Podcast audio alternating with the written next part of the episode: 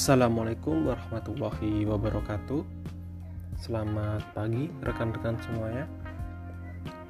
Kali ini saya akan mencoba membahas mengenai keluarga besar, tempat Gunung Raung lahir dan tubuh besar, yaitu kompleks Gunung Api Ijen. Kawasan Ijen terbentuk melalui runutan proses geologi yang berkesinambungan dan utuh. Setiap tahapannya memiliki peran terhadap kondisi alam di bumi ijen yang kita jumpai saat ini. Di balik keelokannya, bumi ijen juga menyimpan catatan sejarah asal-usul pembentukannya yang spektakuler. Banyak episode yang menarik, namun semuanya akan tersaji menjadi satu cerita yang utuh, sesuai namanya sendiri. Ijen yang berarti tunggal dalam bahasa Jawa, dan itu semua akan segera kita jelajahi langsung dari buminya. Kisah awal terbentuknya bumi Ijen dimulai dari pantai selatan, bukan dari posisinya saat ini. 28 hingga 33 juta tahun yang lalu, lempeng Indo-Australia mulai menunjam ke bawah lempeng Eurasia, menyebabkan magma naik ke permukaan dan menghasilkan busur gunung api tua yang kemudian menjadi daratan pertama di bumi Ijen. Berjajar dari barat ke timur, aktivitas gunung api purba ini menghasilkan batuan seperti lava, piroklastik, lahar, dan intrusi magma. Dahsyatnya aktivitas vulkanik di selatan berlangsung cukup lama, hingga pada 23 hingga 16 juta tahun yang lalu terjadi pelandaian sudut penunjaman lempeng dan menggeser posisi naiknya magma 50 km ke utara atau posisi Gunung Ijen saat ini. Pergeseran posisi ini menghasilkan dua konsekuensi alam dan plot cerita yang sangat krusial. Yang pertama yaitu matinya gunung api di selatan dan munculnya gunung api baru di utara. Konsekuensi ini menyebabkan gunung yang sudah mati di selatan,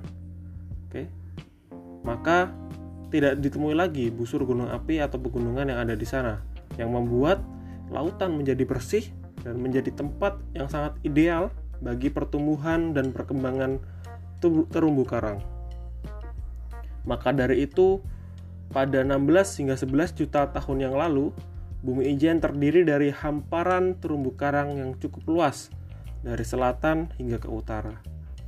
Terumbu karang ini kemudian akan menjadi cikal bakal terbentuknya batu gamping yang ada di selatan.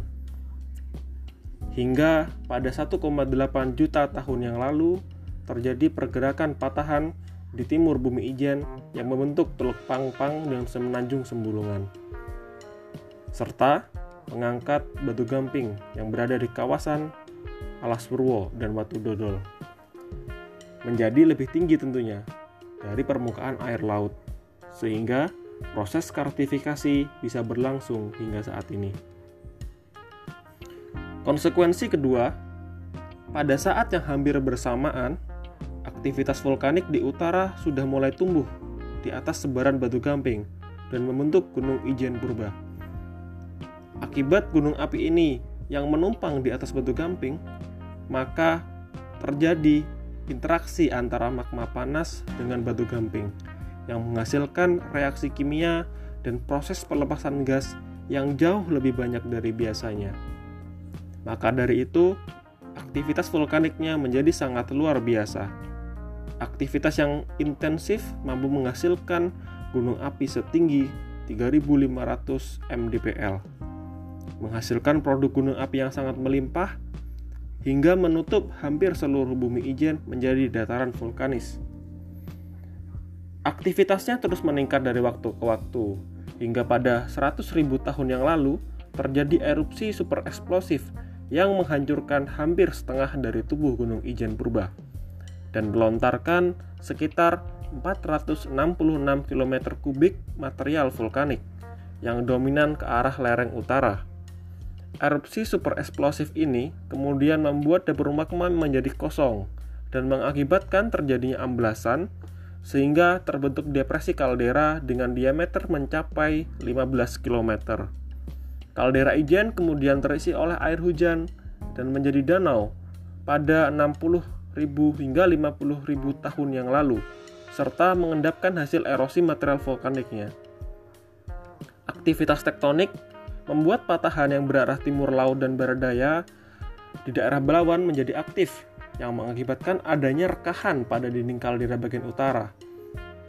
Rekahan ini kemudian tererosi, membobol dinding kaldera, dan menjadi jalur dari air terjun Belawan dan sungai Banyupahit sekaligus membuat danau purba di kaldera Ijen mengering. Setelah proses destruksi pembentukan kaldera ini, bukan berarti aktivitas vulkanik di bumi Ijen itu berhenti. Cerita masih terus berjalan dengan hadirnya lembaran baru, yaitu vulkanisme pasca kaldera atau anak-anak dari Ijen purba. Aktivitas vulkanisme pasca kaldera ini terbagi menjadi dua, yaitu vulkanisme intrakaldera dan vulkanisme cincin kaldera. Aktivitas vulkanisme intrakaldera didominasi oleh kerucut cinder dan aliran lava, sedangkan vulkanisme cincin kaldera terdiri dari gunung api strato besar yang tumbuh berjajar mengikuti lengkungan kaldera bagian selatan. Produk vulkaniknya cukup melimpah, yang terdiri dari lava, piroklastik, dan lahar. Kelompok gunung api cincin kaldera yaitu Gunung Suket, Gunung Raung, Gunung Jampit, Gunung Rante, Gunung Merapi, Gunung Kukusan, dan tentunya yang paling terkenal dan menjadi ikon utama ya, yaitu Gunung Kawah Ijen. Fenomena geologi spektakuler kemudian lahir dan dijumpai di Kawah Ijen, yang merupakan salah satu gunung api paling muda dan paling aktif di komplek ini, yaitu adalah fenomena air Kawah Ijen yang sangat asam, okay, atau kawah asam, dan api biru yang hanya dapat dijumpai satu di dunia. Oke, seperti yang dijelaskan sebelumnya bahwa Gunung Raung posisinya merupakan bagian dari vulkanisme pasca kaldera yang tumbuh di cincin kaldera bagian selatan Gunung Ijen. Oke. Posisinya merupakan gunung api paling tinggi dan paling muda dan paling aktif hingga saat ini ya di kompleks Gunung Api Ijen. Sehingga eh, aktivitas yang ada di Gunung Raung akan sangat eh, memengaruhi atau sangat uh, dikontrol oleh karakteristik dari kompleks gunung api Ijen ini. Mungkin itu uh, yang bisa saya sampaikan.